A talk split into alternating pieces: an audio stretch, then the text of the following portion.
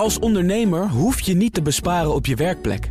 Want IKEA voor Business Netwerk biedt korting op verschillende IKEA-producten. Word gratis lid en laat je werkplek voor je werken.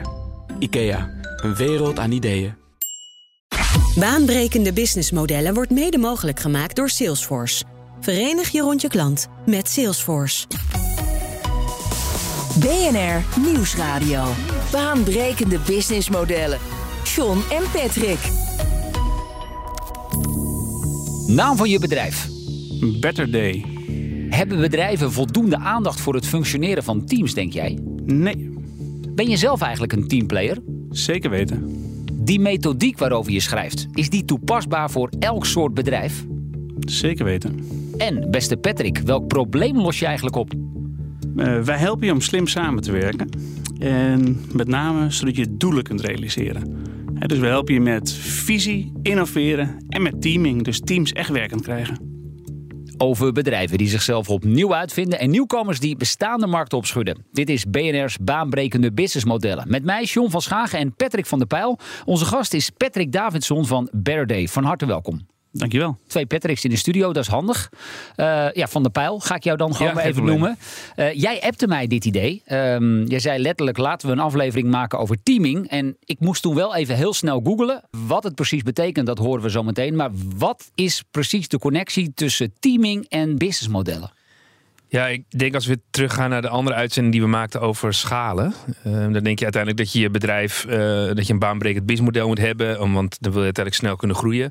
Maar een van de belangrijkste factoren is eigenlijk gewoon de mensfactor. En met name hoe je dan als team kunt opereren. Want hoe beter je dat organiseert, is dat een veel grotere schaalfactor dan we eigenlijk eh, dachten. En toen dacht ik, hey, interessant om eh, Patrick uit te nodigen. Want die heeft daar een eh, boek over geschreven. En Patrick, als ik aan jou de vraag stel, of eigenlijk als ik jouw boek lees en het gaat over die link met businessmodellen, dan kom jij met het voorbeeld van Red Bull Racing.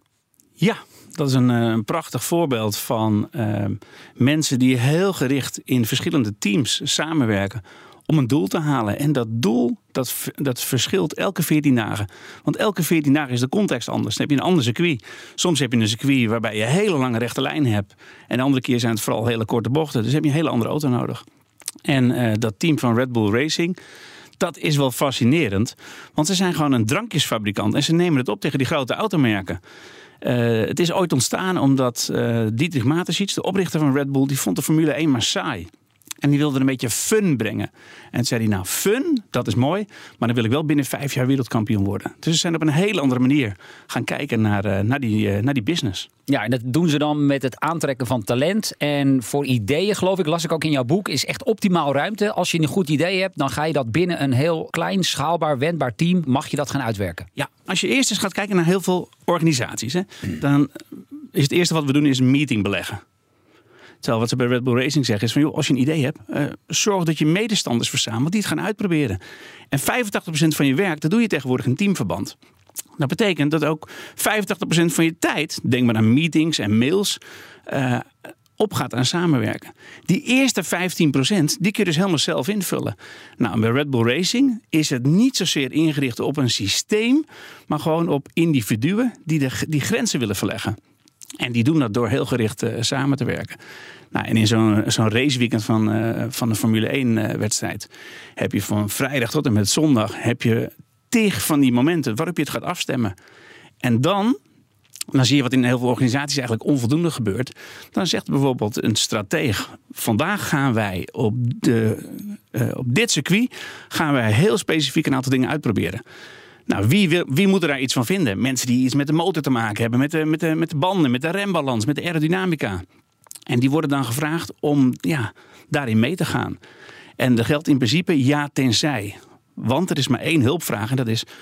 maakt dit de auto komende zondag sneller? En het antwoord ja is, kom, we gaan het proberen. Dan gaan we het doen. Dat zie je natuurlijk bij meetings altijd, dat mensen eigenlijk niet de grenzen willen verleggen, maar beleggen. Want ze denken, ik wil geïnformeerd worden en ik ga die meetings organiseren. Dat staat natuurlijk wel haaks op wat eh, Patrick hier zojuist vertelt.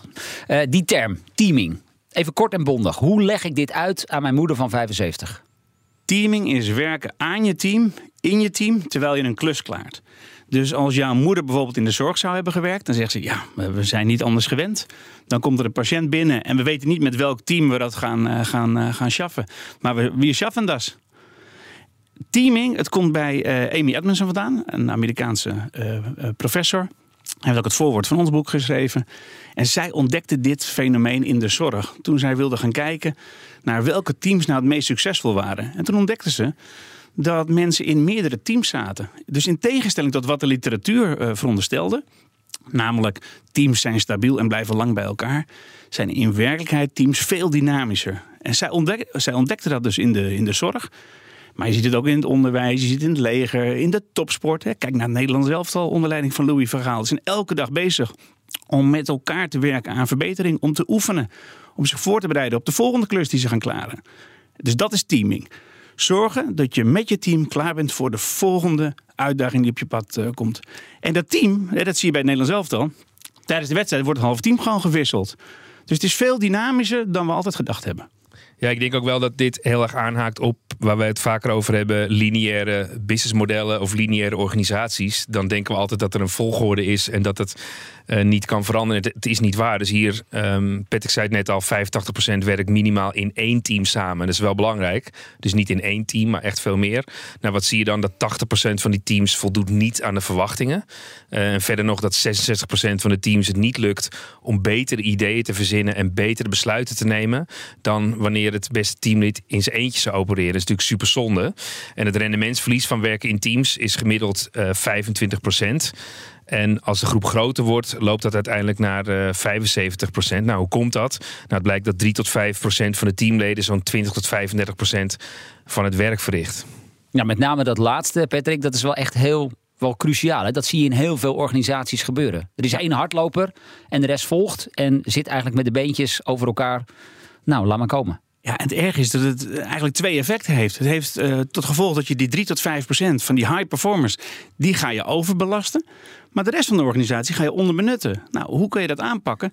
Heel simpel, door als je weer eens nadenkt over een project of een uitdaging, door de eerste drie namen op te schrijven die je van plan bent om te vragen, maak daar een propje van en gooi die drie namen weg. En vraag de nummers 4, 5 en 6 op de rij.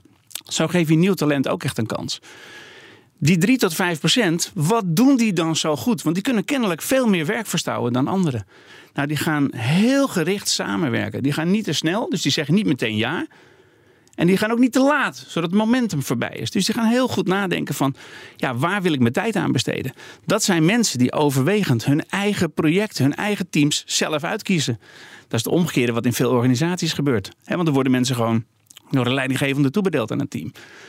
Dus als je wil gaan kijken van hoe kan dat anders, nou, dan begint het ermee dat bijvoorbeeld de leidinggevende van het team gaat nadenken van Oké, wat is mijn rol? Nou, volgens mij is het voor een leidinggevende in het team eigenlijk heel simpel. Je stelt twee vragen aan een teamlid. Wat wil je leveren en leren? Dat is één vraag. En de tweede is, hoe kan ik je daarbij helpen? Ik denk dat dat echt een cultuurshock is voor veel leidinggevenden. En dat zie je dus bij die succesvolle samenwerkingen. Uh, Rob Cross is de man die dit onderzoek heeft geleid met, uh, met Adam Grant. En die heeft het nawoord van dit boek voor ons ook geschreven. We hebben met hem samen een paar werkvormen ontwikkeld voor dit boek. Dat is fantastisch. Dan ga je gewoon nadenken van de succesvolle samenwerkingen die we hebben gehad. Wat hebben we nou eigenlijk gedaan? Wat heb ik zelf gedaan? Wie heeft me geholpen? Maar ook, wat is ons overkomen? Soms heb je van die onverwachte ontmoetingen. serendipity. Uh, het is goed om te begrijpen dat geluk soms ook je pad op uh, komt. Nou, en wat we dan ook aanraden, is dat je gaat terugkijken van wat is nou eigenlijk de diversiteit aan verbindingen van mensen die hebben meegewerkt aan, uh, aan, aan dit succes. Ja, en dat zet je weer op, uh, op het pad ja, om het de volgende keer nog beter te doen. Mijn beeld van een team, de ouderwetse manier, is dan toch de afdeling. Ja. Uh, die structureel, dat is met een club van 10, misschien 20, soms wel 30 mensen, dat is mijn team. Maar als ik jouw boek lees, en hij is vrij dik, dan lees ik dat jij veel meer hamert op de inzet van wat, wat jij noemt vloeibare teams. Ja. Wat zijn dat? Nou, vloeibare teams, dat uh, gaat heel erg uit van die, van die principes van, uh, van, van teaming. Dus dan ga je heel erg kijken van wat is de klus die nu geklaard moet worden. Dat is niet alleen in sportteams, maar ook bijvoorbeeld in de zorg, wat ik al noemde, in het onderwijs of in het Amerikaanse leger hebben ze dit ook toegepast. Dan ga je kijken, wat is de klus die geklaard moet worden? Nou, laten we een onderwijsvoorbeeld pakken. Er is een uh, MBO-leraar, uh, scheikunde, Willy Wijnands, we beschrijven hem in het boek. Ja. En die laat teams zelf kiezen wat de samenstelling van het team is. Dus dan wil hij bijvoorbeeld MBO-leerlingen laten ontdekken hoe, wat de ingrediënten van een smartphone zijn. En hoe je dat gaat onderzoeken. Die teams met leerlingen laat hij dan zelf helemaal vrij om na te denken van hé, hey, misschien willen we Merel uh, in ons team hebben, want zij kan heel goed uh, analytisch dingen, dingen gaan uitzoeken. En wil je Karim uh, in het andere team hebben, omdat hij juist zo handig is om die apparaten uit elkaar te halen. Dus bij fluïde teams, bij vloeibare teams, gaat het er heel erg om van oké, wat is de klus die, die we gaan klaren? En wie hebben we nu nodig? En dan kan het dus zijn dat je nu deelneemt in een team en dat je bijdrage zo voorbij is. Nou, dat is echt iets anders dan de klassieke afdeling. Ja, en ik zie ook wel dat, kijk, waarom uh, dit nu belangrijk is, is uh, waar we veel vaker over hebben, is dat die wereld uh, steeds sneller aan het veranderen is. Ja. Dan ben je ook wel geneigd om te zeggen: Oh, wacht even, ik, ik vraag die en die collega en die gaat het snel uitwerken, want dan ben je er ook sneller van af. Alleen wat je daar wel in ziet, is dat mensen ook, als je het verhaal van Peter hoort, dat je denkt: ja, dit is echt geen rocket science. Alleen als je over na gaat denken hoe je in het verleden gewend bent om teams aan te sturen, ga je toch naar een jaarlijks beoordelingsgesprek. Nou, dat hangt dan weer je salaris uh, van af. Maar uiteindelijk um, zie je dat je een organisatie wilt bouwen die zeg maar ook uh, zelf dingen kan initiëren, waardoor je niet iedereen steeds hoeft uh, aan te sturen. Alleen dat vraagt wel tijd en geduld. En ik ben helemaal niet iemand van tijd en geduld. Nee, want hoe werkt dat bij jou op kantoor? Jij werkt ook veel met teams. Ja, en ook nog een dimensie door met klantenteams daarin samen te werken. Ja. Um, alleen ik heb ook geen geduld om die projecten te doen. En ik denk van hé, hey, ik weet wie deze mensen zijn die het beste dit project kunnen doen. Alleen we hadden van de week ook een evaluatie van een project. En daar waren we noodgedwongen, uh, gen, ja, genoodzaakt om andere collega's op te zetten. En die draaiden het de, verdomd goed. Dus uh, je bent soms ook wel een beetje belast uh, met een bepaalde gedachte dat andere mensen het bijvoorbeeld niet zouden kunnen. Een beetje ja. oogklep op. En wat Patrick inderdaad omschrijft, je kijkt altijd naar die twee, drie, vier beste mensen. Daar ga je automatisch naartoe. Terwijl je eigenlijk dus die groep daarachter moet activeren. Ja, en destijds bijvoorbeeld bij de consultingbedrijven waar ik heb gewerkt, daar wist je altijd, oké, okay, er is uh, 10, 20 procent van de mensen die altijd druk zijn en die het altijd ja. wel voor je regelen. En dat is natuurlijk super verleidelijk, want dan denk ik, ja, dan loop ik het minst risico in mijn hoofd en dan ga ik met die mensen aan de slag. Terwijl uiteindelijk als je wel in staat bent om die teams beter aan te kunnen zetten, dan krijg je uiteindelijk ook wel meer uh, verstout. Ja. Maar het leuke is, het heeft dus ook echt heel erg te maken met hoe je denkt over teams. Wij hebben de, de bedenker van Scrum, Jeff Sutherland, geïnterviewd. Dat is een oud gevechtspiloot die een software, uh, softwarebedrijf heeft opgericht. Wat nou het interessante? Als je hem vraagt over teams, zegt hij, ja, Scrum teams, dat zijn hele stabiele teams. En die zijn erop gericht om meteen te kunnen leveren. Zo is het concept begonnen. Toen kwam dynamic reteaming eroverheen. En dat is eigenlijk de, de praktijk van alle dag, wat Patrick net omschrijft. Je hebt een team, het functioneert niet. Ja, een paar mensen in en uit of een heel team uh, vervangen. En het leuke is eigenlijk, als je slim gaat kijken naar samenwerken, dan is het gewoon maatwerk. En dat maatwerk, dat begint ermee dat uh, heb je weinig tijd? Nou, werk dan asynchroon samen. Ik begeleid vanuit een uh, energiebedrijf twee hele talentvolle jongens, net afgestudeerd aan de TU Delft. En die zijn met ultrasooncamera's uh, in de weer. Wanneer werken wij samen? Nou, als ik ochtends om 7 uur in de auto zit, bijvoorbeeld naar een live workshop, dan spreek ik een voice-appje in, want dan moet ik even aan het idee denken. Ik stap na de workshop in mijn auto en ik heb alweer drie voice-appjes terug waarin we bijvoorbeeld een volgende workshop of een technisch concept met elkaar ontleed hebben. Dus maatwerk, hè, asynchroon werken, niet meteen een, een, meeting beleggen, maar gewoon denken van oké, wat kan ik bijdragen? En als je dan een meeting belegt, weet je, en dat is wel een les van Red Bull Racing om aan te halen. Wanneer is een meeting geslaagd bij Red Bull Racing? Nou, als er een heel duidelijk idee is, plus een set van acties, smart acties. Ja, daar kunnen organisaties, kunnen echt elke organisatie kunnen er zoveel winst mee boeken. BNR Nieuwsradio. Baanbrekende businessmodellen. Met deze keer alles over goed functionerende teams. Daar gaan we straks over doorpraten. Maar eerst Patrick, het gaat de laatste dagen op het web heel veel over een uh, ja, nieuwe hype, mag ik wel zeggen. Chat GPT. Yes. Ja, een chatbot dus, waar het hele internet laaiend enthousiast over is. Ze hadden binnen een week al 1 miljoen gebruikers. Heb jij het al kunnen testen? Ja, ik heb het al uh, getest inderdaad. Oké, okay, want ik kreeg uh, zelf, uh, we're experiencing exceptionally high demand. Dat had ik ook vanochtend, John. Ja, dus ik wilde even weten wat het inhield. Ja, nee, dus, kijk, uiteindelijk dus niet. Het is fascinerend. Je moet echt even doorzetten en dan kun je het gebruiken. Kijk, je kan bijvoorbeeld de vraag stellen van... hey, geef mij eens de visie voor uh, Business News Radio. En dan komt daar gewoon een, een stuk tekst uit... wat je als consultant uh, direct als startpunt kunt gebruiken. Maar een andere vraag die ik had gesteld... Um, give me a name for a beautiful dark horse. Nou, als je nou kijkt naar paardennamen... daar is altijd wel iets over te zeggen. Dat zijn vaak twee namen. Nou, waar kwamen ze mee? Midnight Majesty. Ik vond het echt fascinerend. Dat is mooi. Dat je, Ja. je weet niet dat het mijn grote hobby is. Hè? Nee, dat hadden we niet vooruit, vooraf eh, besproken. Ehm, toen dacht ik, nou, echt iets ingewikkelder maken. Eh, Give me a poem, inspired by Oscar Wilde, for my beautiful wife. Nou, daar kwam een tekst uit. Eh, my beloved wife, of beauty so divine, a heart so gentle, spirit so kind. En zo gaat het nog even verder. Nou, dat is, en gewoon maar één optie, hè. Dus ehm, Best verrassend goed dus. ja, verrassend goed. Je Ja. hebt geen bloemen meer mee te nemen nu, Nee. eh, Patrick. Nee. Ik las in een column al ergens iemand die zei: eh, Ja, dit is de next Google. Hoe zie jij dat? Nou, uiteindelijk is het een veel slimmere eh, zoekengine en geeft je uiteindelijk maar één eh, optie. Maar is je ook in staat om eh, kennis bij elkaar te zetten. Dus ja, het zou wel een, een verregaandere vorm van Google kunnen zijn. Ja. Nou, en zie jij dan ook al beroepsgroepen die hiermee mogelijk gaan verdwijnen? Kijk, ik presenteer niet alleen radioprogramma's, ik schrijf ook stukjes. Kan ik al inpakken? Nou, ik denk dat het waar het mee kan helpen is dat je veel sneller tot de kern kunt komen en eh, content bij elkaar kunt zetten. Alleen wat we natuurlijk niet moeten vergeten, als Oscar Wilde in mijn voorbeeld niet was geweest, hadden we ook niet die AI erop los kunnen laten. Dus die contentcreatie die blijft belangrijker. Alleen ik denk het aggregeren, ehm, ja, daar hoef je dan minder eh, op te focussen. We gaan dit eh, in de gaten houden. Misschien binnenkort een deskundige uitnodigen op dit gebied. Eh, Patrick Davidson van eh, Better Day is hier. En we praten met hem over teaming. Handleidingen voor goed functionerende teams dus. En die zijn dan ook weer essentieel voor je businessmodel. Patrick, jij beschrijft in jouw boek drie spelregels voor samenwerken in teams. Beperkte omvang, gedeelde opgaven en wederzijdse afhankelijkheid. Zullen we die één voor één even langs gaan? Beperkte omvang. Ja, door de, door de decennia heen is er keer op keer uit onderzoek bevestigd dat de ideale teamomvang is 7 plus of min 2, dus tussen de 5 en de 9. En kun je- Zeven, zeven mensen zijn sterker dan 100, las ja, ik. ja, minder gedoe, minder ruis. eh, dat eh, als je met een team van negen mensen eh, werkt, dat is behapbaar. Minder gedoe, minder verbindingen, minder ruis. Of het nou George Miller is, of het is eh, Ringelman. Het blijkt keer op keer dat dat de ideale omvang is. Wonderlijk ook, want eh, het blijkt in de praktijk dat heel veel mensen die samenwerken in teams eh, andere teamleden niet eens kennen. Ja, ja. Nou, en dan is het helemaal interessant. Kijk, wij zijn voor dit boek zijn we met meerdere disciplines eigenlijk gaan, eh, bij meerdere disciplines gaan buurten. We zijn gaan, gaan spreken met filosofen, met wetenschappers, maar ook met topsportcoaches.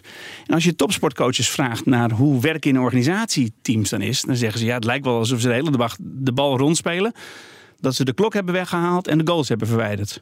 En waarom? Soms weten mensen niet eens dat ze in een team eh, zitten. Eh, ik kom in de praktijk regelmatig teams tegen. Tenminste, groepen, eh, groepen mensen die samenwerken. Van 20, eh 20 man groot. Ja, dat is geen team. Dat zijn twee of drie teams. En de simpelste oplossing is: vraag mensen dan gaan staan bij de collega's met wie het meeste samenwerkt. Aan een doel. En dat je elkaar ook echt nodig hebt. Nou, dan zie je meestal zo drie, vier groepjes ontstaan. Nou, dat zijn dan je echte teams. Dus Maar max soms- 7 tot 9 mensen. Maar soms vind ik die eh, vergelijking ook wel een beetje te makkelijk. Weet je, dus het met sporten vergelijken. Ja. Want kijk, we gaan ons niet als eh, bol.com eh, elke week op zondagmiddag meten aan onze grootste concurrent. Ja.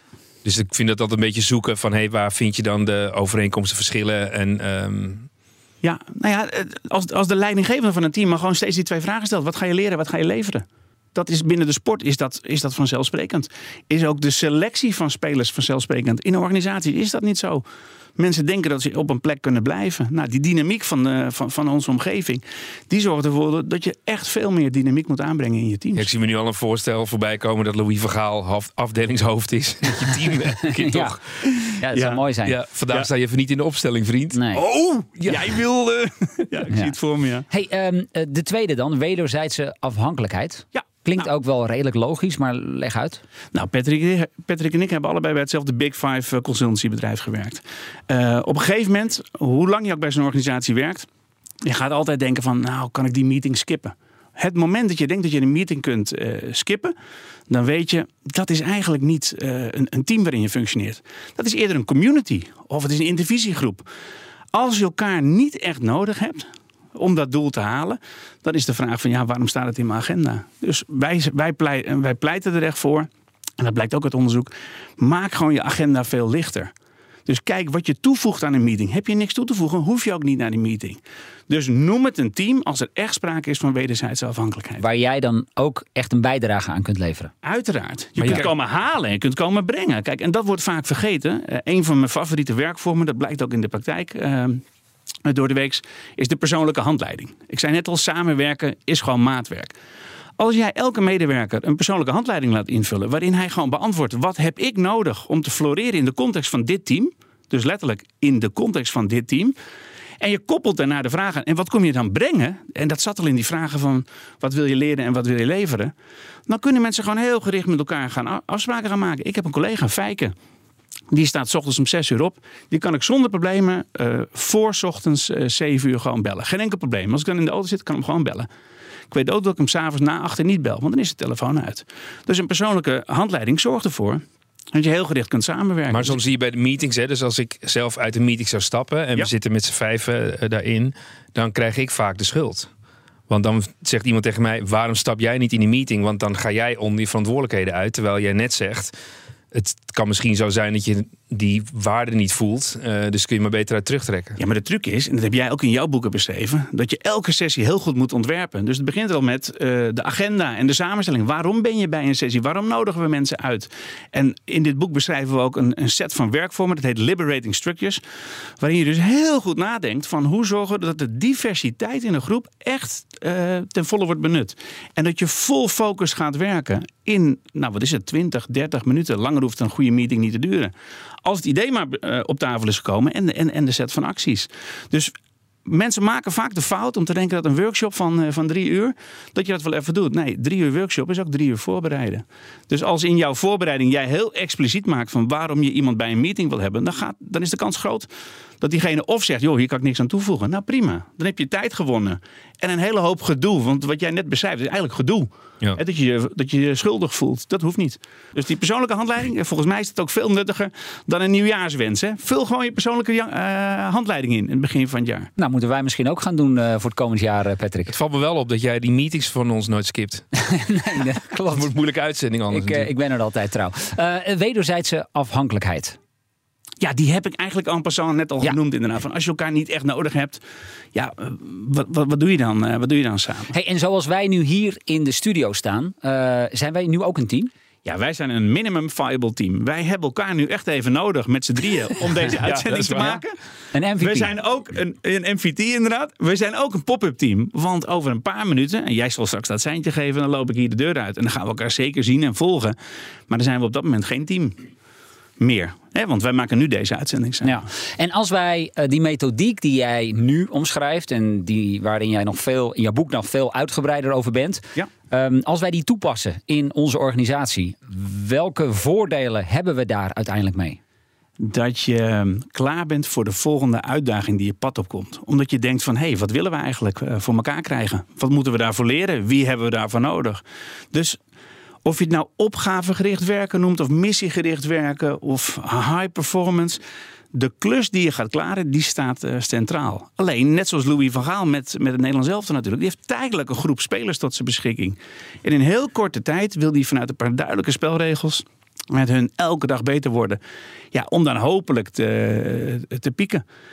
En vergeet niet dat in het voorbeeld van Van Gaal, die wisselt gewoon de helft van zijn team tijdens de wedstrijd. Ja, vijf van de, van de elf spelers dus. En als je dat dan bij een bedrijf als BNR, ja. uh, als we dat hier zouden toepassen, betekent dat dat wij dan ook efficiënter gaan werken? Dat we stimuleert het innovatie, vernieuwing? Zeker, zeker. Maar één stapje terug. Efficiency is mooi, maar uh, het gaat ook om effectiviteit. Hè? Doen, we, doen, we de, doen we de dingen goed? En de stap ervoor, doen we de goede dingen? En teaming helpt je om veel breder naar, uh, naar, naar, situaties uh, te kijken. Er zit ook werkvorm in. Dat noemen we met een lastig uh, begrip noemen we dat contextuele intelligentie. Dat je gewoon gaat kijken van in de setting van waar we nu opereren. Wat gebeurt er in de buitenwereld? En wat kunnen we daarmee? Kijk, en heel veel teams zijn heel erg naar binnen gericht. Dus naar onze mening, ik heb het boek samengeschreven met Hans van der Loo, zien we heel veel teamcoaches, ja, die gaan dan een kringgesprek doen. Ja, dat is mooi, dat gebeurt binnen, maar wat gebeurt er in de buitenwereld? Nou, en ik denk dat jullie bij BNR continu bezig zijn met de buitenwereld. Anders was je ook niet nu nog steeds zo succesvol geweest. Kan elk bedrijf dit eigenlijk toepassen? Of moet je daar toch een bepaalde DNA voor hebben? Het kan, maar het hoeft niet. Het hangt van het type werk af. Er zijn werkzaamheden die altijd hetzelfde zijn en de samenstelling van het team is dan hetzelfde. Dan hoef je geen teaming toe te passen. Maar als de leidinggevende dan wel die vaardigheden uh, ontwikkelt, hè, dus het vragen van wat wil je leren, wat wil je leveren en hoe kan ik je helpen, ja, dat gun ik elk team natuurlijk. En het helpt ook wel als je weet wat het doel is van een, van een team. En stel nu dat jij, uh, nou, ik als luisteraar, uh, ik werk in een organisatie die nog redelijk uh, traditioneel georganiseerd is. Ik ga van de ene meeting in de andere. We hebben vaste teams. We willen hier iets mee. Um, is daar een soort stappenplan voor? Hoe begin je zo'n reis? Ja, wat zijn de stappen? Het eerste is van, wat is de klus die we te klaren hebben? De tweede vraag is dan, wie hebben we daarvoor nodig? Ja, en hoe brengen we dat op gang? Nou, dat breng je op gang door te zeggen: hé, hey, ik wil iets. dat, dat gaf ik aan het begin ook aan. 15% van je werk kun je gewoon autonoom vormgeven. Doe dat dan. Dat is ook een werkvorm. Een van die liberating structures die ik noemde, de 15% oplossing. Uh, toen het Amerikaanse leger actief was in Afghanistan. Toen hadden ze als motto: liever de 70% oplossing van vandaag dan de 90% oplossing van morgen. Dus het idee dat stabiliteit en zekerheid, dat je dat kunt afdwingen door te wachten. Ja, gooi dat overhoop. Ja, dat beschrijf je ook in je boek. Hè? Hoe zij aanvankelijk uh, bij elke vraag vanuit het veld eerst uh, nog even toestemming moesten vragen. Dat duurde twee dagen voordat ze toestemming kregen om uiteindelijk die aanval uit te voeren. Nou, dat liep helemaal vast. En toen zijn ze veel meer als een soort fluïde teams gaan opereren. Exact. En dat hebben ze naast de vaste organisatie gedaan. En dat is ook belangrijk. Als je met vloeibare teams, vloeiende teams aan de slag gaat, veroordeel niet die vaste organisatie. Want die is er niet zonder, niet zonder reden. Um, wat ze gedaan hebben, Stanley McChrystal en Chris Fussell, die we geïnterviewd hebben over hun team of, team, team of teams aanpak. Een paar veranderingen. Het eerste wat ik net zei. Informatie delen. Informatie delen. Zodat je echt kunt nadenken van, moet deze missie vandaag uh, plaatsvinden? Dat weet een generaal op, in, een, in, een unit weet dat minder goed dan de feet on the street. Dus als mensen op straat in Kabul of waar ze ook waren iets zagen, dan melden ze dat. Dus wat was nou de, de doorbraak, echt het baanbrekende daar? Dat 8000 mensen informatie kregen die tot, uh, tot dat moment als uh, vertrouwelijk werd uh, beschouwd. Dus door hardop na te denken, door met elkaar te zeggen wat denken we, wat zien we, Daardoor ontstond een vloeibare organisatie. Maar dit is wel echt elementair. Want als ik kijk naar organisaties, dan wordt er heel vaak onder het mom van dit is vertrouwelijk, of dat mogen we niet delen, of dit is niet, niet voor die en die bestemd.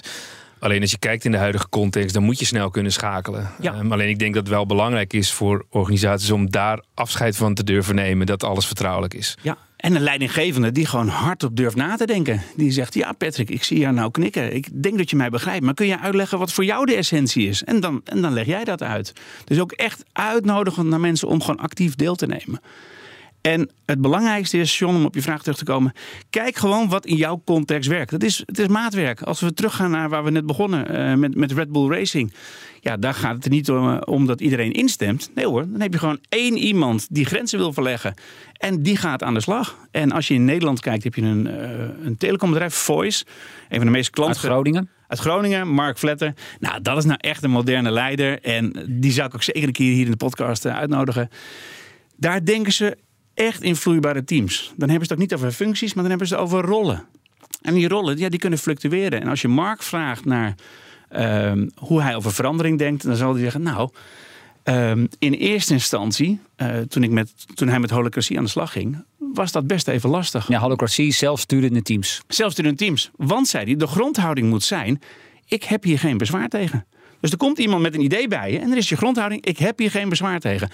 Nou, hij zei, ik ben heel optimistisch van aard, maar daar moest ik zelfs heel erg aan, uh, aan wennen. Dus ja, dit soort elementen kun je echt in elke context toepassen. Maar de truc is, John, om het echt heel klein te maken. En heb je daar dan ook tooling bij nodig? Ja, dit boek. Ja. oh ja, ik dacht Baanbrekende businessmodellen ja, Hij maakt nog even reclame. Uh, ik heb het met name over, heb je daar technische tooling voor nodig? Teams bijvoorbeeld, Microsoft, uh, andere pakketten. Dat kan, maar het kan ook live. Kijk, uh, volgende week sta ik in een, in, een, in een Rotterdamse kerk met een paar honderd mensen van, van één bedrijf. Gaan 15 mensen gaan een idee pitchen. is geen technologie voor nodig. Staan gewoon in een kerk. Vertellen, zonder slides, verbod op slides. Vertellen gewoon wat ze van plan zijn. En de bedoeling is dan dat zij mensen meekrijgen om daar hun tijd of hun energie of misschien budget voor vrij te maken. En ja, je weet nu al, dat gaat een groot succes worden. En er is geen tooling voor nodig. Patrick, wat uh, veel geleerd het afgelopen half uur. Wat gaan we meenemen? Nou, ik kan me ook wel voorstellen um, dat je denkt van ja, maar we weten toch dat het belangrijk is om met teams te werken. En heb ik nou iets nieuws gehoord? Alleen ik denk dat je dan jezelf af moet vragen van... hé, hey, het team waar ik in werk, welke teams zijn dat eigenlijk? Uh, want als wij over organisatiestructuren gaan hebben... dan willen mensen toch vast in een structuur... willen toch ergens een, een plekje hebben.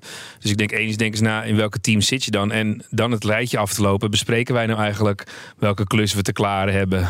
en is het dan een... Is er een doel? Wat is draag er een doel? bij? Wat dragen andere mensen bij? Ja, en hey, jongens, als ik uit die meetings zou stappen... Vinden, gaan we dan spastisch doen? Of uh, kunnen we met elkaar wel begrijpen waarom dat is? Dus ik denk dat je wel echt één stapje dieper even moet. En, en misschien wel even dat boek erbij pakken of iets van... hé, hey, wat kan ik dingen echt anders doen? Omdat um, wij natuurlijk deze kennis ook aanreiken... om ja, met baanbrekende businessmodellen iets te gaan doen... En, en, en, en geïnspireerd te raken. Maar dat gaat nooit gebeuren als je weer verder gaat met hoe het altijd al werkte. Volop mee gaan experimenteren dus. Hou het klein en ga vooral aan de slag als ik jou zo hoor. Dankjewel Patrick eh, Davidson van Better Day. Um, Patrick en ik zijn er uh, volgende week weer. Nou, wil je voor die tijd al meer luisteren? Check dan zeker ook onze andere afleveringen die je vindt op vrijwel alle bekende podcastkanalen. Tot volgende week. Baanbrekende businessmodellen wordt mede mogelijk gemaakt door Salesforce. Verenig je rond je klant met Salesforce.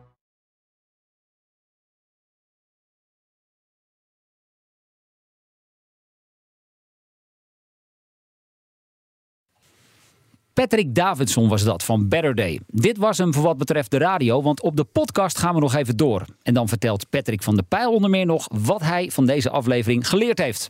Patrick en ik zijn er volgende week weer met een kerstvers bedrijf, een ander probleem en een fonkelnieuw businessmodel. Tot dan. Een kleine update maakt een wereld van verschil.